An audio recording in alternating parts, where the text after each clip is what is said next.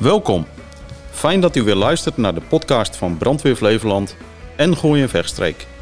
Mijn naam is Hendrik Kramer Mijn naam is Andrea van der Wouden. en vandaag hebben wij ook weer interessante gasten eh, aan tafel die zichzelf even gaan voorstellen. Het onderwerp voor vandaag is schoorsteenbranden. Mijn naam is Hans Godsman, medewerker eh, risicobeheersing en brandveilig leven. Mijn naam is eh Meindert Keijer. Eh, al jaren meester schoorsteenveger en kom vele dingen tegen en ik hoop jullie veel te kunnen vertellen. Ja, nou dat is eh, mooi eh Dat heren. belooft wat, Hendrik. Ja, dat belooft zeker wat, want we zijn natuurlijk eh, aan het eind van de zomerperiode gekomen. En meestal zie je dan de brandweer eh, wat vaker gealarmeerd worden voor eh, schoorsteenbranden.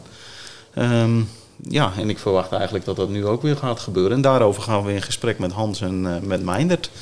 Zeg, eh Meindert, zo even een eerste vraag eh, aan jou als eh, schoorsteenveger. En je bent natuurlijk ook jaren brandweerman geweest. Wat, kom jij nu al zo tegen in je, in je vak? Nou, wat wij vooral tegenkomen is ja, dat, dat je nog wel ziet dat de installaties van de houtkachels en van de open haarden nog wel slecht aangelegd zijn. Tuurlijk, iedereen mag het tegenwoordig zelf doen. En dat zou eigenlijk veranderd moeten worden. Dat, eh, dat alleen door een erkend installateur gedaan zou kunnen worden. Net als bij de CV eigenlijk. Net als bij de CV, want ook hier is natuurlijk een stooktoestel wat brandgevaarlijk is. Ja, ja. En eh, zijn dan alle stooktoestellen eh, brandgevaarlijk? Of, of ligt dat alleen aan, aan de installatie? eh? Nee, in principe is alles brandgevaarlijk, want eh, ja, sowieso eh, met houtstoken en pellet eh, geeft altijd aanslag. En aanslag in je schoorsteen, dat zijn koolstoffen. En die koolstoffen die zijn weer brandbaar. Dus als je dat niet ver- regelmatig verwijdert, ja, heb je toch een brandbare laag in je schoorsteen die tot een ontbranding over kan gaan. Ja. En gebeurt dat nu vaak, eh Ma- Meindert? Eh, Zo'n, eh, Ja, dat gebeurt toch eh, binnen Nederland zo'n 2000 keer per jaar gemiddeld. nou, dat is nog een best aantal. eh. Bij schoorsteenbrand bedoel je? Alleen schoorsteenbranden, ja. ja. Ja. Ja. Ja. en dan is het natuurlijk vaak ook nog een bepaalde periode in het jaar dat je... Ik bedoel, je zult nu niet zoveel schoorsteenbranden tegenkomen. Nee, we hebben natuurlijk, we praten over een jaar, maar eigenlijk moet je het hebben over een stookseizoen. Met tenminste, eh, met, met houtkachels en open haarden, dan heb je toch ongeveer 8, 9 maanden dat die gebruikt worden en voor de rest niet. Nee. Maar ik heb begrepen, jullie zijn het hele jaar bezig. Ja, wij zijn het hele jaar bezig, dat eh, gelukkig wel. Maar dat is natuurlijk het onderhoud van de, van de rookkanalen die wij eh, nog steeds doen. Ja. Ja. En, eh, wa- wat is ongeveer een, eh, een, een, eh, een goede inspectie en, en onderhoudsfrequentie van zo'n rookkanaal, eh, Meindert? Ja, gemiddeld genomen is het eh, bij eh, zeg maar weekendgebruik één keer per jaar voldoende. Ja. Gaat men dagelijks gebruiken, dan hebben we het niet meer over één keer per jaar, maar dan hebben we het over twee keer per stookseizoen. Ongeveer vier maanden dus. Dan moet je weer geveegd worden. Zo, vier maanden. Vier maanden, want we hebben het over het stookseizoen, acht, negen maanden. Ja. Ja. En, en hoe, ga- hoe gaat dat in zijn werk, Meindert? Want dit- mijn traditionele beeld van zo'n schoorsteenveger is natuurlijk eh, nou ja, zo'n man met zo'n zo'n zo'n zo'n borstel op zijn nek. Die eh, een ladder omhoog schuift. Zwarte hoed eh, op. Zo'n zwarte hoed op. Die zo'n eh, zo'n ladder opklimt, het dak op gaat en dan eh, nou ja, iets in de schoorsteen laat, eh, Ja, laat, die- laat- laat glijden. Maar ik denk niet dat dat eh, de, de, de gangbare praktijk is. Nee, dat is niet meer de gangbare praktijk. Het heeft ook te maken met de arbowetgeving natuurlijk. Het veilig werk op hoogte. Dus eh, alles boven de 2,5 meter moet je in principe veiligheidsvoorziening hebben. En ja, gelukkig staat ook binnen de schoorsteenvegers eh, staat, eh, staat het niet stil. Dus er zijn nieuwe methodes ontwikkeld. Vroeger inderdaad van dak af, kogeltje, borsteltje. Ja, die werd vier, vijf keer heen en weer gehaald. En eh, raak je zo'n eh 8 tot 10 keer raak je aan de wanden. En dan moet je maar hopen dat je borsteltje groot genoeg is. Tegenwoordig hebben we het elektrisch vegen. Dat gaat eh, van onderuit. En ja, dan gaat het eigenlijk met meterstukken iedere keer op elkaar geklikt met de schroefmachine. Daar zit een kunststof spriet aan. Die draaien heel snel rond. Waardoor je toch minimaal 40 keer eh, de wanden raakt van zo'n schoorsteenkanaal. Het effect is toch wel dat je dubbele hoeveelheid roet eruit haalt. Ja, dus eh, de, de huidige methodieken zijn veel beter dan, eh, dan vroeger en, en vegen veel schoner, eh, zeg Ja. maar. Ja. Ja. Even voor mijn eh, beeldvorming. Eh, elektrisch vegen. Moet ik dan denken aan een soort hoogwerkertje wat die schoorsteen omhoog Nee, gaat? nee, nee, Of- nee, het elektrisch vegen wat ik al zei, dat gaat op een schroefmachine. En de schroefmachine wordt elektrisch aangedreven met een accu, uiteraard. En dat is dus het elektrisch vegen. Dus het is het elektrisch beweging maken van de borstel. Ja, oké. En, en die wordt dan omhoog En die geduwd? wordt omhoog geduwd. Ja. Ah, oké. Eh, Hans, eh, als eh, brandweerman, wijkbrandweer ook nog natuurlijk. Ehm, de- heb jij het idee dat schoorsteen, eh, ja, niet, niet om jullie werk af te krijgen, maar heb je het idee dat mensen eh, bewust zijn van schoorsteenvegen? Oftewel, hebben we veel schoorsteenbranden? Ja, zoals al gezegd, inderdaad, 2000 keer per jaar is wel schoorsteenbrand. En bleef het alleen maar bij die schoorsteen. Maar vaak zien we ook dat de schoorsteenbrand eh, uitbreidt naar het huis zelf. Eh, regelmatig eh, door het dak, hè, waar de pijp door het dak heen, eh, heen gaat. Daar ontstaat brand in het dakbeschot. Heb je een rieten kap, dan heb je ook nog een kans dat je rieten dak in de fik vliegt. Ja, dan, eh, dan moeten wij wel het dak hebben, anders als de schoorsteenveger, om inderdaad daar het riet weg te plukken, het brandende riet. Maar helaas eh, zien we inderdaad ook dat er, eh, vooral daar waar een schoorsteenkanaal een scheiding doorgaat, hè, bijvoorbeeld van de woonkamer naar de bovenverdieping of door het dak, dat daar de cruciale plekken zijn waar brand kan ontstaan. Dat kan ontstaan als je bijvoorbeeld een, een gemetseld kanaal hebt, zonder binnenmantel erin. Ehm, ja, dat cement dat is waarschijnlijk eh, dermate oud dat het een soort van oplost. Hè. Dan krijg je chemische reactie door de verbranding in, eh, in het kanaal. Eh, waardoor het cement tussen de stenen ja, oplost. Dus de vonkjes die kunnen daar ook tussen doorgaan en die kunnen dus de brand veroorzaken. We zien gelukkig steeds vaker dat er wel een nieuw soort kanalen worden gebruikt. Dubbelwandige kanalen. Die zijn een stuk veiliger, mits, zoals mij het ook al aangaf, het wel door een erkende installateur is aangelegd. En daar zien we momenteel veel branden door ontstaan door ja, amateurs, eh, beunhazen, dat soort eh, mensen. Dus ja, dat is, eh, dat is wel een, ja, een probleem die eraan zit te komen. Dat mensen door een goedkoop iemand iets deskundig laten proberen aan te leggen. Ja. Ja, waar, waar herken je zo'n erkende installateur dan aan? Want ik begrijp dus dat er ook veel eh, kaf onder het koren is op de, op de schoorsteenveegmarkt. Ehm, maar hoe, hoe herken je nou zo'n eh, erkende installateur? Ja, dat, dat is een beetje het probleem natuurlijk. Dat, eh, kijk, bij de gasinstallaties, eh, daar heb je inderdaad erkende installateurs. Binnen het eh ja, schoorsteenveegland eh, kan iedereen het doen. De aannemer kan het doen. Is die erkend? Nee, hij is niet erkend. En dan moet je hopen dat hij inderdaad kennis heeft van zaken. Wat wel verstandig is, de, de haardenleveranciers over het algemeen, die hebben wel die kennis. Dus ik zeg ook altijd, schoenmaker blijf bij je leest. Als je een haard laat installeren, laat dan ook je kanaal door die haardenleverancier installeren. Mits natuurlijk wel dat die aangesloten is bij het NKH, de Nederlandse Kachelorganisatie. En ja, dan heb je in ieder geval eh, sowieso al wat goeds in handen. Ook heel veel schoorsteenvegers die aangesloten zijn bij de ASPB, hebben die kennis. Waar staat dat voor, uh, Meindert, ASPB? De ASPB, Algemeen Schoorsteenvegers Patroonsbond. Bond bestaat inmiddels al ruim 70 jaar. En eh, alle schoorsteenvegers die daarbij aangesloten zijn, daarvan weet je zeker dat die verzekerd zijn, dat die een opleiding hebben gehad via de ASPB. Dus dat zijn allemaal opgeleide schoorsteenvegers. En daar heb je dan nog een onderscheid in van de gezel en de meesterschoorsteenveger. Oké. Maakt dat, maakt dat nu verzekeringstechnisch ook nog uit, uh, uh, Meindert? Uh, als je bijvoorbeeld nou ja, schoorsteenbrand gehad hebt en, en, en nou ja, je kunt aantonen dat je hem, dat je hem geveegd hebt of, of, of je hem nou door een, iemand van de ASPB hebt laten vegen of nou ja, door iemand op de hoek. Nee, helaas niet. Dat is wel jammer. Hm. Want zo heb je natuurlijk ook dat de beunhaars gewoon hun werk kunnen blijven doen. Hm. En ze, die zeggen vaak dat ze hem geveegd hebben. Die hebben misschien een kogeltje laten zakken. En dat was het dan. Hm. Uh, dus ja, de verzekeringen die zeggen... Ja, als consument ga je te goede trouw. Want je hebt hem laten vegen. Ja, als het heel erg uh, uit de hand zal lopen... dat natuurlijk binnen een aantal maanden zo'nzelfde bedrijf... Hm. Mm-hmm. continu daar, daarmee te maken krijgt. Ja, dan zullen ze wel stap ondernemen. Maar ja, in, in principe is het een vrij beroep. En uh, iedereen kan morgen naar de Kamer van Koophandel en zeggen dat hij schoorsteenveger is. Oh, serieus? Ja. Dat is een beetje jammer. Ja. Wij zien wel met de uitdruk dat het aantal schoorsteenbranden bij uh, woningen waar mensen of zelf hebben geveegd of een bevriende kennis het heeft gedaan, dat daar vaker schoorsteenbrand ontstaat, ontstaat als daar waar de erkende schoorsteenveger is geweest. Dus we, wij als repressie zien daar wel een verschil in. Oké, okay, ja. wij houden daar de statistiek ook van bij dan? Het wordt allemaal bijgehouden, oh, ja. Okay. Ja, correct. Ja, ja. En ja, je hebt natuurlijk schoorsteenkanalen die gebruikt worden voor een houtkachel. Uh, Mijn noemde al even de, de pelletkachel, die is ook erg in, in opkomst. Maar heel veel mensen gebruiken de kachel als allesbrander. Nou is allesbrander eigenlijk een compleet verkeerd woord. Uh, dat suggereert dat je alles kan verbranden. En vooral mensen met kinderen zien wij ook, ja, die gooien er alles in. Dus uh, ook verpakkingsmaterialen, dat soort zaken. Ja, de tip van de brandweer en van de schoorsteenveger is eigenlijk gebruik alleen droog en schoon hout wat een jaar droog heeft gelegen.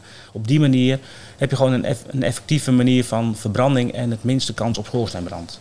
Ja. Dus sluit niet uit dat je altijd schoorsteenbrand kan krijgen, maar wel een minder grote kans. Ja. Er bestaan ook allesbranders, toch? Of niet? Nee, dat wordt genoemd, maar alles branden bestaat niet. Nee, het bestaat helemaal niet. Het is een houtkachel, het is een haard of het is een uh, pelletkachel. Oké, ja, kijk, weer wat geleerd.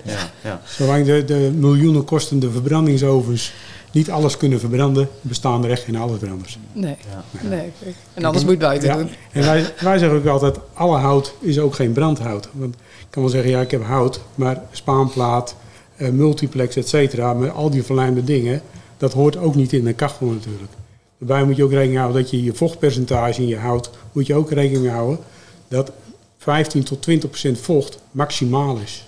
Ja, je moet dus echt goed gedroogd hout gebruiken, wil je ja, een mooie schone verbranding uh, krijgen. Ja. En minder rookoverlast voor de omgeving. Want dat is ook wel een ding wat meespeelt. Wij als brandweer krijgen enorm veel vragen in het stookseizoen. Uh, ja, dat de buren hun kachel zo, uh, zo stoken, dat hun last hebben van de rook. Dus het is ook wel belangrijk. Wat stookt de, buur, mhm. de buurman of buurvrouw? En hoe zit het met het kanaal? Steekt dat voldoende boven het dak uit? Of zit het nabij een dakraam van de buren? ja, ons eerste punt dat we altijd aangeven is overleg even met de buren. Van waar jij last van hebt. En bel niet meteen de brandweer op. Want wij hebben daar ook vaak niet de oplossing voor. Maar probeer eerst het conflict met elkaar op te lossen. En maak daar afspraken met elkaar over. Daar, daar zijn ook geen regels uh, voor? Er zijn wel regels voor de, uh, de uitmonding van je schoorsteenkanaal. Hoe hoog die boven je dak uit moet steken. Maar heel vaak zie je met verbouwingen. Mensen bouwen een stukje aan, zetten daar een, een, een kacheltje in een aanbouw. En vervolgens... Uh, ja, wordt er gestookt en wordt er niet met de buren overlegd van, joh, heb je last van mijn rook? Mhm. En dat loopt op van dag tot dag en dan krijg je ergernis en uiteindelijk een burenruzie. Daar hebben wij niet altijd de oplossing voor als brandweer. Nee, zo, uh, zo zijn er dus verschillende uh, nou ja, oorzaken waardoor een schoorsteenbrand kan ontstaan. Hè. Uh, het is dus ook geen garantie als je je schoorsteen regelmatig laat vegen dat er geen kans op, op, op brand ontstaat. Um, we hebben het ook al eventjes gehad over de verschillende soorten kachels. Ik kan ook me best voorstellen dat er verschillende soorten rookgasafvoeren zijn die bij verschillende soorten kachels horen. Um, waar moeten mensen nu op letten als ze gaan verbouwen? Hè? Uh, en, en, ze denken van nou, er zit een, een traditioneel schoorsteenkanaal zit erin. ik wil een nieuwe kachel installeren. Waar, waar, moeten ze allemaal op letten? Ja, je ziet vooral bij oudere huizen waar voorheen een, een gaskacheltje op de schoorsteen was aangesloten.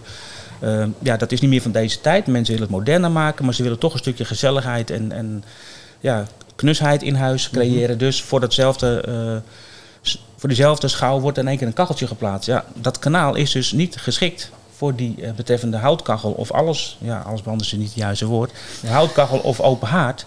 Dat kanaal is daar niet geschikt voor. En, en mijn dat kan wellicht wel aangeven wat je dan beter kan doen. Ja, nou goed, er is natuurlijk een. Uh, wordt heel veel. ja, gezegd over hout, houtrook is uh, stank. Er is best veel in de media over. Daarom is er uh, vanaf januari 2022 worden alleen nog eco-design haarden verkocht. Eco-design heeft niks met uh, vormgeving van de kachel, maar het zijn Europees gekeurde haarden. die hebben een hoog rendement, goede naverbranding, waardoor je ook minder uitstoot krijgt. Zo'n kachel kan je ook niet zomaar op alle kanalen zetten. Wat je heel veel ziet met de inzethaarden, is we hebben een open haard. Nou, eh, dat heeft geen rendement, dat is nog geen eh, 15%. Er wordt een inzethaard ingezet. Alleen dan heb ik een open haard, heeft een minimaal uh, diameter van 200 mm. Ja, en zo'n inzethaard heeft vaak een diameter van 150. Ja, dan kan je dat niet zomaar op dat kanaal zetten. Want wil je een goede verbranding hebben, heb ik een goede trek nodig.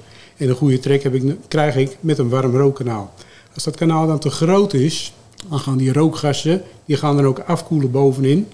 En die gaan condenseren. Normaal hebben we een poeierroet. Door, door het condenseren krijg ik dan een creosootlaag in mijn schoorsteen. Creosoot is een zeer harde teerlaag die erin zit. Die krijg je er ook niet uitgeveegd. Is maar één manier. En dat is dan dat je hem weer uit gaat frezen. Nou, ga ik drie keer frezen in mijn rookkanaal, dan ben ik natuurlijk ook aan de beurt. Dus wat is dan verstandig? Als ik een eco-design hard krijg, een dubbelwandig flexibele pijp in het kanaal trekken. Die ga je rondom isoleren. En dan heb ik een kanaal die afgestemd is op mijn nieuwe haard. Betekent dat goede trek, goede verbranding, heel weinig uitstoot. Wauw.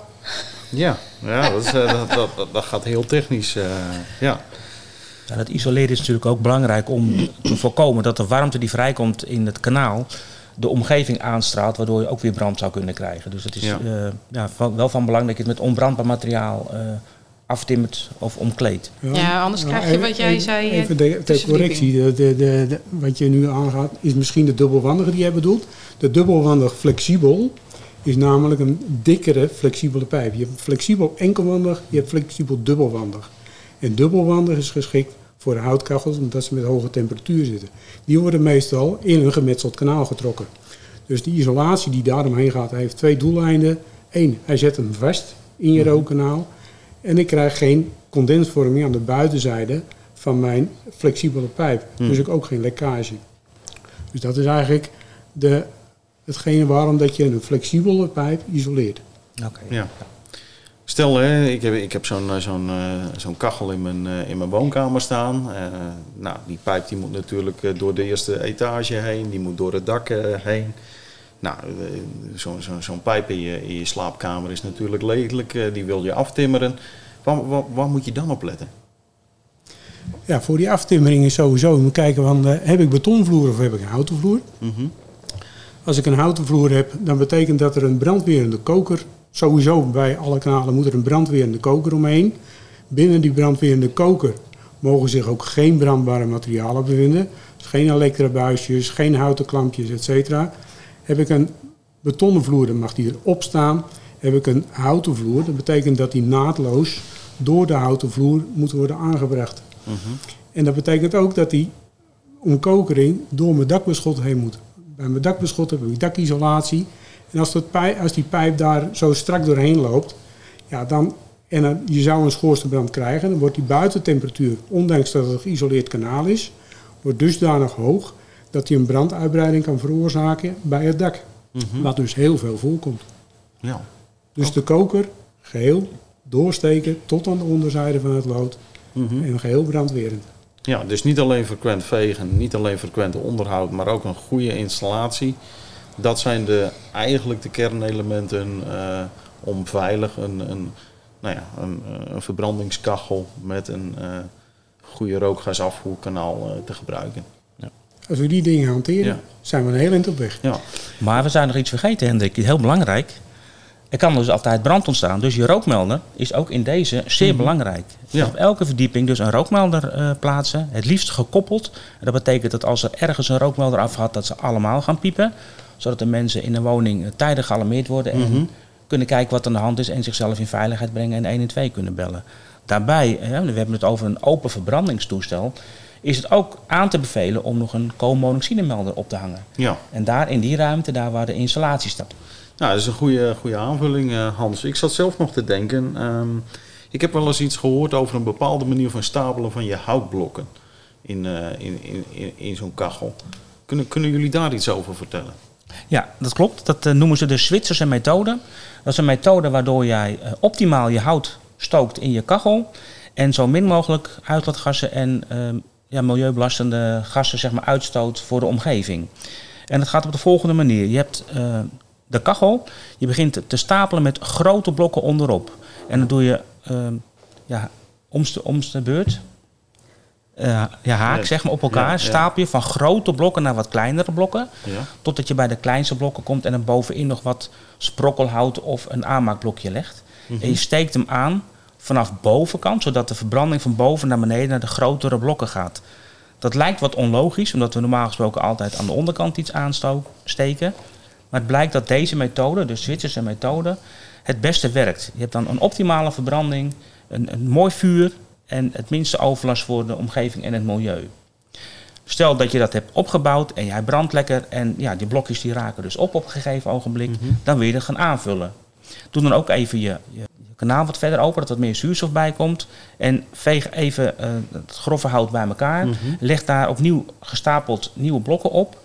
Eh, zodat je weer eigenlijk weer op gaat bouwen. En dan gaat hij uiteraard van onderaf wel weer naar boven toe branden. Maar dat is wel de beste methode om een optimale verbranding te krijgen met, ja, met de minste uitstoot voor de omgeving. Ja. Wees er ook van bewust dat als je bijvoorbeeld bij windstil weer of mistig weer ook je kachel niet moet gebruiken. Dat veroorzaakt enorm veel overlast voor de omgeving. En als je binnen je kacheltje aansteekt en je gaat niet meer naar buiten, heb je het vaak niet in de gaten. Dus Mhm. controleer ook even wat zijn de buitenomstandigheden. Ja. Want ja, je kan heel veel eh, eh, overlast veroorzaken. Ja. Heb, heb je dan nog een risico dat het dan weer terug naar binnen gaat of kan dat nooit? Dat is bij, eh, met name bij de wind. Bij de wind kan het terugslaan. Maar bij windstil weer komt het wel. Ja, je hebt een, be- een minder goede trek, uiteraard. Ja. Dus de kans dat er binnen wat meer rook komt, maar dat ruik je dan wel. Maar voor, vooral voor de omgeving is het eh, zeer vervelend als je ja, bij windstil weer of mistig weer gaat stoken. Oké. Nou ja, en ik kan me ook voorstellen hè, dat als in jouw omgeving mensen wonen met een, een kwetsbare gezondheid of eh, bijvoorbeeld longziekten, eh, ja, dat die eerder last hebben van, eh, van, van dat soort overlast dan, eh, dan andere mensen. Ja, dat, Denk, ja, dat Ja. denk ik zeker. Ja. Maar spreek elkaar erop aan. Hè. Durf elkaar aanspreken. Als je last hebt van de, het stookgedrag van jouw buren, is het vaak verstandiger. Want die mensen hebben misschien niet eens door dat ze iets doen wat niet Mhm. prettig is voor jou. Dus Ja. ja, dat, dat is wat wij als brandveilig leven vaak te horen krijgen. Dat mensen burenruzies hebben. Ja, praten met elkaar. Ja. Wij Ja. kunnen het vaak niet oplossen, kunnen alleen maar adviseren en niet verbieden. Ja. Nee, precies. Ja. Eh, wat ik me nou nog afvraag, hè, eh, zie je nou tegenwoordig in nieuwbouwhuizen eh, eh, ook nog wel steeds meer open haarden komen? Of wat, Ja, als we nu eh, gaan kijken bijvoorbeeld in de Blaricumse Meent. Is een hele grote nieuwbouwwijk. Heel veel rieten daken, maar heel veel rookkanalen. Dus, maar dat zijn dan niet meer de gemetselde kanalen. Dat zijn tegenwoordig allemaal de dubbelwandig geïsoleerde kanalen. Die je daar toch wel tegenkomt. Er zijn ook gemeentes waar het niet mag. Die verbieden het gewoon in de nieuwbouwwijk. Daar komt geen schoorsteen meer in. Dus ook die trend zit er wel in. oh, serieus? Ja, oh, zeker. Oké, Ja. maar huh? dat Ja, kan een gemeente gewoon verbieden? Ja, plaatselijke verordening. Dus eh, kunnen ze verbieden. Ze zeggen gewoon nieuwbouwwijk. Mag geen, eh, dat worden dan duurzame wijken. En eh, ja, daar mag geen houtstook in. Ah, oké. Want je ziet natuurlijk heel veel warmtepompen tegenwoordig. Eh, hè, mensen moeten natuurlijk eh, van, van, van de gasinstallaties eh, af. Tenminste, ik neem aan dat alle nieuwbouw tegenwoordig zonder gasinstallatie gebouwd wordt, toch? Of? Grotendeels wel, denk Ja. ik. Ja. Ja. Ja. Ja, en weet ook dat als je een, eh, een schoorsteen hebt en je hebt een rieten dak in de buurt, of je hebt zelf een rieten dak, dat er altijd een vonkenvang, vonkenvanger op moet. Die vangt zeg maar de vonken weg, zodat je ja, geen branduitbreiding naar de omgeving eh, krijgt. Hè. De vonkjes dwarrelen niet op andere daken in de buurt. En dat wordt nog wel eens vergeten ook. Dus altijd, altijd een vonkenvanger op je dak. Nou, we zitten nu in, eh, in het gooi. Het gooi is voor, eh, ja, best wel voorzien van veel rieten daken. Dus het risico op schoorsteenbrand Ja. Eh, schuine streep rieten kapbrand is hier best wel aanwezig. Dus hou daar rekening mee dat ook jouw schoorsteenveger dat ook schoonmaakt. Hè. Dat bedoel ik daarmee dan de, de vonkenvanger. Ja, is het tegenwoordig als je een, een nieuwbouwhuis hebt met een, met, met een rieten dak, hè? eh, maar dat zijn toch niet meer de ouderwetse rieten daken die je vroeger had, die zo heel brandbaar waren? Of nog steeds wel? Dat, dat verschilt per gemeente. Sommige gemeenten hebben een, eh, een verbod op een traditioneel rieten dak. Een traditioneel rieten dak is een dak wat op, op panlatten is geschroefd. Eh, gebonden bedoel ik, sorry. Ja. En een ehm, schroefdak, dat is een houten plaat waar het riet op geschroefd wordt. Dat is minder brandgevaarlijk. En er zijn eh, in het gooi, bijvoorbeeld in Blaricum en in Laren, is een verbod op het traditionele dak. En dan moet men een schroefdak plaatsen. Oké, maar dat is nog wel altijd hetzelfde riet wat gebruikt wordt. Ik dacht dat dat ook tegenwoordig iets was dat je dat, eh, dat het minder brandbaar was. Nee, nee, het riet is nog steeds het riet van vroeger. Ah, oké. Het blijft een, Je, je, hebt, je hebt wel de kunst, kunstriet, hè? Dat heb je wel. Dus dat, eh, dat zijn die kunst eh, rietstengeltjes eigenlijk. Tenminste, dat wordt in matten wordt aan neergelegd. Ja. Dat is ook niet overal toegestaan. Maar dat is ook niet overal toegestaan. Nee, want? Want? Het is brandgevaarlijk en het eh, geeft enorm veel rookproductie. Dus Dat is nog brandgevaarlijker? Ja. Ah, oké. het blijven natuurproducten. Ja, Ja, ja. ja. Ja. Oké. Ehm, ik, ik had nog wel een vraag aan Hans. eh, van Hans, eh, wa- wa- wat moet je nou doen op het moment dat je een schoorsteenbrand gehad hebt? Eh, Ik kan me, kan me voorstellen, je hebt op een gegeven moment een schoorsteenbrand, de brandweer komt en die schoorsteen die wordt geblust, die is ontzettend heet geweest. Ehm, wat, welke acties moet je dan eigenlijk allemaal ondernemen om nou ja, weer, weer, je, je rookkanaal en je kacheltje weer in gebruik te kunnen nemen? Ja. Ehm, je slaat eigenlijk een stukje over. Hè. Hoe, hoe ontdek je de brand zelf? Ja, En als je in huis bent en je hebt je, je kachel lekker aanstaan Hoe ontdek jij, zonder dat de buren zeg maar, aan de deur kloppen, hoe de- ontdek jij zelf dat er brand is in je schoorsteenkanaal? Dat is ook ook melden wel toch? Dat Ja, maar dat is, dat is als de rook al in je kamer Dan ben je al te laat.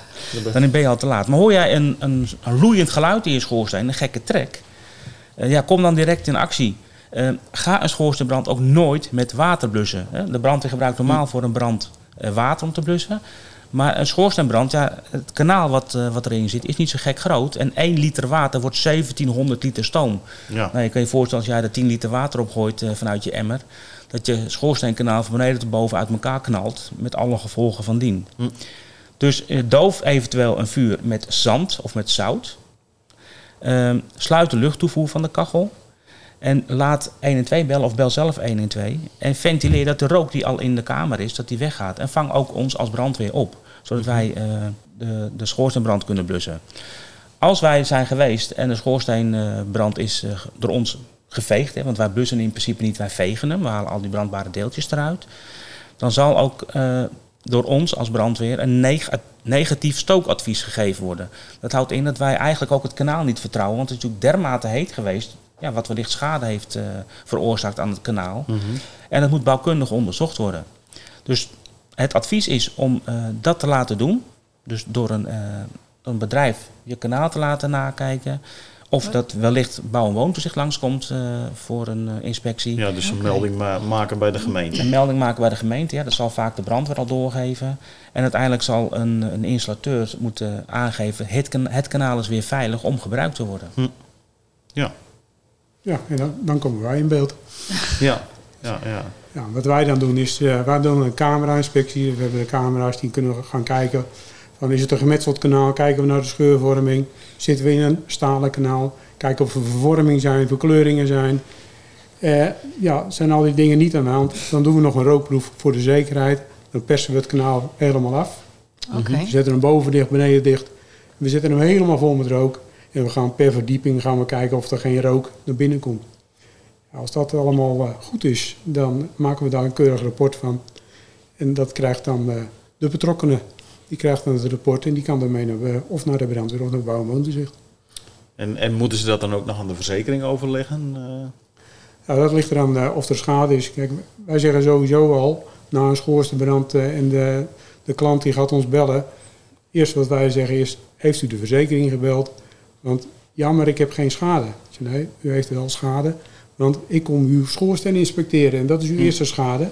Als u geen schoorsteenbrand had gehad, had u mij niet nodig gehad. Dus is dit uw eerste schade? En ja, dat is nog wel het verschil. De ene maatschappij die zegt van, prima, dat gaan we vergoeden. En de andere helaas niet. Ja, oké. Ja. ja. Zit er nou ook nog verschil eh, als je, eh, eh, zeg maar, hè, een schoorsteenveger is net geweest en vervolgens krijg je toch een, scho- eh, een, een schoorsteenbrand? Is dat, is dat dan, ben je daar dan nog, eh, kan Als- je daar je kosten nog ergens op verhalen of is dat gewoon verzekeringwerk? Nee, dat- als consument eh, zit je dan altijd goed, want je hebt een veegbewijs gekregen als het goed is. Ja? Dus ja, dan eh, wordt het gewoon verzekeringswerk. En ja, het kan altijd, maar meestal is er dan wel iets aan de hand dat de schoorsteenveger het niet gemeld heeft. Bijvoorbeeld dat die creosootlaag erin zit. Kijk, je kan hem vegen, als die creosootlaag erin zit, dan blijft er een brandbare laag in zitten. Maar eh, hoor ik jou dan ook zeggen, dus als je eh, hem niet hebt laten vegen, eh, dan betekent dat wat anders voor je verzekering? Dan kan de verzekering zeggen van, eh, u weet dat u verplicht bent om één keer per jaar minimaal uw schoorsteen te laten vegen. Oké. Dan kunnen ze zeggen, u bent nalatig geweest, dus wij vergoeden uw schade niet. Oh, zo. Ja, het Ja. is wel heel belangrijk als je een eh, houtkachel ge- gebruikt, dat je even je verzekeringspolis nakijkt. En bij twijfel even bellen van wat, Ah, wat eist de tip. verzekering. Want de verzekeraars eisen vaak meer en zwaardere, eh, stellen ze zwaardere eisen als dat wij als brandweer kunnen eisen volgens het bouwbesluit. Ja, Ja, een goede tip, Hans. ja. Wat kost, of hoe lang duurt een gemiddelde schoonmaakbeurt? Half uurtje, Half uurtje. En wat kost de gemiddelde schoonmaakbeurt? tussen de 50 en de 70 euro. Nou, dat lijkt me dan toch... eh ja. hè? Het is Kat en goedkoop. bakkie. Het is goedkoper om, eh, om te laten vegen eh, Ja, en schoon te laten maken dan, eh, dan, dan brand. brandje. Ja. Ja, ja. Ja. En daarbij moeten we misschien ook nog wel melden dat vanuit de woningwet en vanuit het bouwbesluit, Hans die eh, noemde het bouwbesluit net al even, eh, dat een eigenaar eh, van, een, van, ja, van een woning en een, en een rookkanaal ook zelf verantwoordelijk is vanuit de wet en regelgeving om adequaat onderhoud te plegen. Ja. Dus in die zin ook nog zelf verantwoordelijk is voor eh, het onderhoud. Ja, wat dat betreft kan ik daar een kleine aanvulling op geven. Als we kijken naar onze oosterburen in Duitsland. Daar is het dus verplicht om eh, je schoorsteen te laten vegen. En nog wel door een schoorsteenveger die in jouw district zit. Hm. En die gaat gewoon zelf bepalen wanneer die komt. Hij komt minimaal één keer per jaar. Hij keurt één keer in de zeven jaar keurt hij het totale systeem. Dus de kachel en het rookkanaal. En mocht het zo zijn dat of de consument verkeerd stookt, eh, niet luistert, et cetera, is hij zelfs bevoegd om de kachel op slot te zetten. Oké. Zover is het in Nederland nog niet. We zijn wel eh, heel druk bezig, ook via onze vakorganisatie, ook via de overheid. Want ja, er is al sprake van APK-keuringen van kachels, open haarden die mogelijk verboden gaan worden. Dus we zijn toch wel eh, met elkaar in gesprek eh, op welke wijze we dat hier in Nederland eh, gaan eh, onderhandelen. Oké. Dat zijn eh, goede berichten, denk ik. Ja, dat zijn eh, nou, ontwikkelingen. Ja. Ja. Als mensen nu vragen hebben naar aanleiding van deze podcast, eh, waar, kunnen, waar kunnen ze dan terecht? Ja, ze kunnen altijd eh, sowieso over schoorsteengebied kunnen ze terecht bij de vakorganisatie uiteraard, Mhm. de ASPB. Ehm, ja, en eventueel bij uw eh, schoorsteenveger, eh, plaatselijke schoorsteenveger. Maar wij geven wel vaak aan, kijken of die lid is van de ASPB, zodat je die in ieder geval weet dat die eh, kennis van zaken heeft. Ja, en kunnen ze ook terecht bij de brandweer? Ja. Hans? Website www.brandweer.nl. Kijk. ja. Kijk. En hier de gooi kunnen ze natuurlijk eh, eh, de wijkbrandweer, denk ik. eh, Wijkbrandweer is ook al- altijd bereid om aan te horen en adviezen te geven. Ja, Ja. zeker. Ja. ja.